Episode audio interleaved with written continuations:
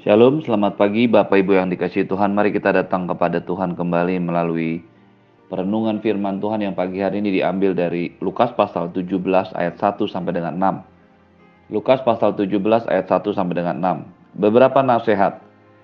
Yesus berkata kepada murid-muridnya, tidak mungkin tidak akan ada penyesatan, tetapi celakalah orang yang mengadakannya adalah lebih baik baginya jika sebuah batu kilangan diikatkan pada lehernya lalu ia dilemparkan ke dalam laut daripada menyesatkan salah satu dari orang-orang yang lemah ini.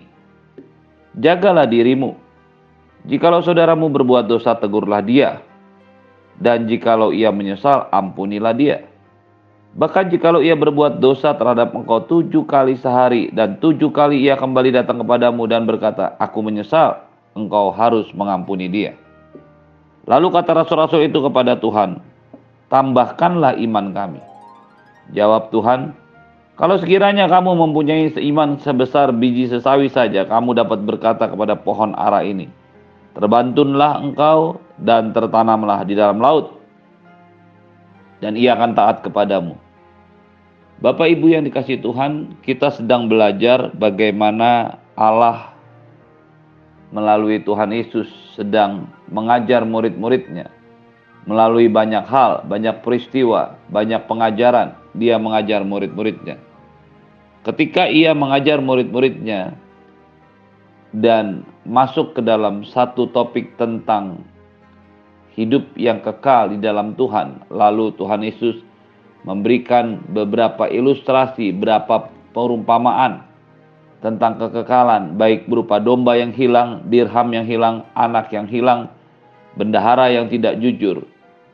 Lalu terakhir ia menyampaikan satu pesan profetik tentang orang kaya dan Lazarus yang miskin yang mati dan kemudian hidup di dalam kekekalan. Di dalam ayat 31 Tuhan Yesus menceritakan ketika orang kaya itu meminta kepada Abraham untuk menyuruh orang pergi kepada orang-orang yang ada di rumahnya, kelima saudaranya. Abraham berkata, "Jikalau mereka tidak mendengarkan kesaksian Musa dan para nabi, mereka juga tidak akan mau diyakinkan sekalipun oleh seorang yang bangkit dari antara orang mati." Ketika Tuhan Yesus selesai menyampaikan kebenaran ini, ia memberikan sebuah pilihan kepada orang-orang yang mendengarnya untuk menetapkan hati apakah mereka mau percaya kepada apa yang dituliskan oleh para nabi dan juga Musa atau mereka tetap tidak percaya. Dari sini kita mengerti bahwa kesaksian Musa dan para nabi akan membawa mereka ke jalan keselamatan yaitu Yesus sendiri.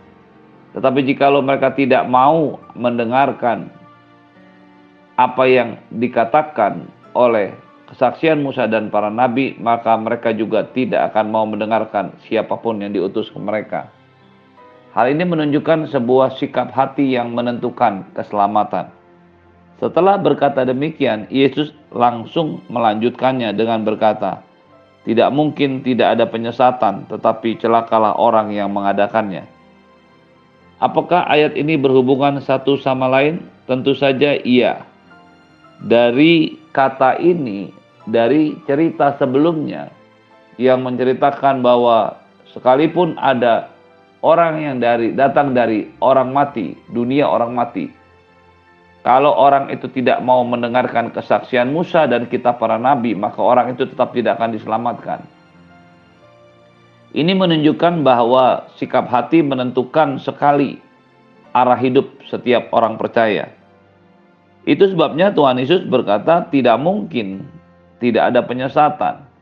Tidak mungkin semua orang bisa menerima kebenaran yang disampaikan oleh Musa, para nabi, bahkan juga orang yang sudah mati, yang bangkit dari kematian, dari dunia orang mati. Tidak mungkin mereka semua bisa menjadi selamat dalam artian setiap orang diberikan kesempatan mereka untuk mengalami keselamatan. Setiap orang diberikan kesempatan untuk masuk ke dalam jam keselamatan. Tetapi pilihan orang lah yang akan menentukan apakah mereka mau menerima dan percaya atau tidak. Orang-orang yang tidak mau menerima kebenaran dan percaya kepada Yesus yang diutus oleh Bapa yang bangkit dari kematian, mereka adalah orang-orang yang tidak akan pernah bisa mengalami keselamatan daripada Tuhan karena sikap hati mereka yang menolak. Orang-orang yang menolak inilah, yang menolak kebenaran inilah, yang satu kali kelak akan menjadi penyesat-penyesat, memberikan kesesatan atau hidup dalam kesesatan. Itu sebabnya mengapa Tuhan Yesus berkata tidak mungkin tidak ada penyesatan. Ketika orang memilih untuk tidak percaya kepada kesaksian Musa dan kitab para nabi, ketika orang ber, memilih untuk menolak pemberitaan Injil yang disampaikan oleh orang yang bangkit dari kematian, berita tentang kematian dan kebangkitan Yesus, tetap mungkin, tetap bisa ditolak oleh orang-orang yang menolaknya. Dan orang-orang yang demikian adalah orang-orang yang hidup di dalam kesesatan. Itu mengapa Tuhan Yesus berkata tidak mungkin tidak ada penyesatan. Tapi celakalah orang yang mengadakannya. Ketika seseorang berada dalam kondisi yang sesat, tidak mengenal, tidak hidup di jalan kebenaran, sebaliknya hidup dengan cara dan pikirannya sendiri, dengan pola pikir dan tindakannya sendiri, orang-orang itu ada di dalam kesesatan karena mereka tidak mengalami, tidak hidup dalam kebenaran yang Tuhan inginkan. Tetapi lebih celaka lagi orang yang mengadakan kesesatan orang yang tidak hidup dalam kebenaran, orang yang bermain-main di dalam dosa, orang yang menolak kebenaran dan anugerah keselamatan yang dilakukan, yang ditawarkan oleh Tuhan Yesus, dan kemudian mengajarkan penolakannya yang merupakan penyesatan, kesesatan itu kepada orang banyak. Orang itu adalah orang yang lebih celaka lagi. Bagi orang-orang yang mengadakan penyesatan, Tuhan Yesus berkata lebih baik baginya jika di lehernya diberikan batu kilangan dan ia dilempar ke laut. Ditenggelamkan, mati dalam keadaan tenggelam. Mati dalam keadaan berontak untuk hidup tapi tidak mampu bertahan. Perhatikanlah apa yang terjadi ketika orang di lehernya dilemparkan, diikat batu kilangan dan dilemparkan ke laut. Orang itu mencoba untuk naik ke permukaan tapi tidak bisa karena tekanan yang dialami untuk turun ke bawah yang diakibatkan oleh batu kilangan, batu yang besar, batu fondasi diikatkan di lehernya dan batu itu akan membawanya tenggelam. Itu adalah kematian yang sangat menyesakkan. Dan itulah yang akan dialami oleh orang-orang yang mengajarkan kesesatan. Hal ini penting untuk diingat, disadari oleh setiap hamba-hamba Tuhan, para pelayan Tuhan, maupun orang percaya yang mengajar banyak orang. Ketika Anda dan saya menerima Yesus sebagai Tuhan dan Juru Selamat pribadi, anda dan saya juga harus memastikan bahwa hidup kita berubah.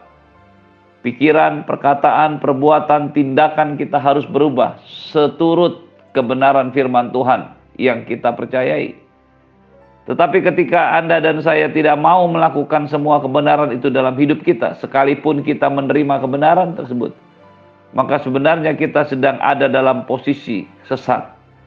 Tidak sesuai dengan apa yang Anda, yang Allah inginkan dalam hidup Anda dan saya. Ketika Anda dan saya ada dalam posisi kesesatan itu, diperlukan sebuah pertobatan yang sejati untuk datang kepada Tuhan. Tetapi sering kali terjadi kesesatan yang dialami, yang dilakukan oleh diri sendiri. Itu juga yang diajarkan kepada orang lain. Dan kepada orang-orang yang demikian, yang mengadakan penyesatan, yang berpikir, yang mempengaruhi orang-orang yang baru percaya, yang mempengaruhi orang-orang Kristen dengan pikiran-pikiran yang tidak sesuai dengan firman Tuhan. Firman Tuhan dengan tegas mengatakan orang-orang itu adalah orang-orang yang layak diikat oleh tali dan diisi batu kilangan lalu dilemparkan ke laut. Penting bagi setiap Anda dan saya untuk bersaksi menyatakan kemuliaan Tuhan, apa yang Tuhan sudah berikan, anugerah kasih karunia yang diberikan kepada kita. Kita harus menyampaikan berita kebenaran. Kita harus hidup sesuai dengan kebenaran. Dan kita melakukan firman Tuhan sesuai dengan apa yang Tuhan mau Anda dan saya kerjakan. Tetapi dalam kenyataannya sering kali kita tidak mampu melakukan itu. Dan dalam ketidakmampuan kita, seharusnya diperlukan sebuah sikap hati yang merendahkan diri dan mau bertobat. Bukannya memberontak, bukannya mengajarkan sesuatu yang membenarkan tindakan atau dosa kita. Kebiasaan-kebiasaan buruk yang harus ditanggulangi seharusnya memang harus disalibkan, disangkali sesuai dengan apa yang Tuhan Yesus katakan. Barang siapa mau mengikut aku dia harus memikul salibnya, menyangkal diri dan mengikut aku, mengikuti contoh hidupku. Ketika kebenaran ini datang yang diterima melalui anugerah dan kasih karunia Tuhan, Anda dan saya harus memutuskan untuk taat kepada Tuhan apa pun itu. Seberat apa pun konsekuensinya, kita harus taat kepada Tuhan. Ketika tidak mampu melakukan semua itu, maka seharusnya kita meminta pertolongan Tuhan untuk memampukan kita, menolong kita, taat dan setia dengan semua kebenaran firman Tuhan. Tapi ada beberapa orang yang karena ketidakmampuannya membuat sebuah ajaran bagi dirinya sendiri yang menenangkan dirinya, yang mencoba mendamaikan dirinya sendiri sehingga dia bisa merasa tenang ketika dia masih berdosa. Dia masih merasa tenang ketika ia tetap melakukan kejahatan dalam hidupnya. Orang-orang demikian adalah orang-orang yang sesat hati, sesat tindakan, dan sesat pikiran dan bagi mereka masih ada kesempatan untuk bertobat, selamat dan kembali kepada Tuhan. Tetapi ketika kesesatan itu menjadi sebuah pengajaran dan kemudian kita ajarkan kepada orang lain, hal ini yang harus diperhatikan oleh setiap hamba Tuhan. Anda dan saya seperti yang firman Tuhan bilang, di mata Tuhan bukan menjadi orang-orang yang dicari dan disenangi Tuhan, tapi menjadi orang-orang yang sungguh-sungguh tidak hidup dalam kebenaran bahkan bukan hanya menyesatkan diri, tetapi menyesatkan banyak orang. Inilah yang dikatakan oleh Tuhan Yesus. Kalau ada orang, ada saudaramu berbuat dosa, engkau harus menegur dia. Dan jika jikalau ia menyesal, ampunilah dia. Jagalah dirimu. Ketika Anda dan saya mengerti kemungkinan adanya penyesatan, tidak mungkin tidak ada penyesatan di dunia ini yang pertama firman Tuhan ajarkan kepada kita oleh Tuhan Yesus yang disampaikan oleh Tuhan Yesus, jaga diri kita. Penting untuk setiap Anda dan saya sebagai orang Kristen, sebagai pengerja Kristus, sebagai hamba-hamba Tuhan, bahkan sebagai gembala, kita harus menjaga diri kita. Kita harus membiarkan Roh Kudus memimpin dan mengoreksi hidup kita.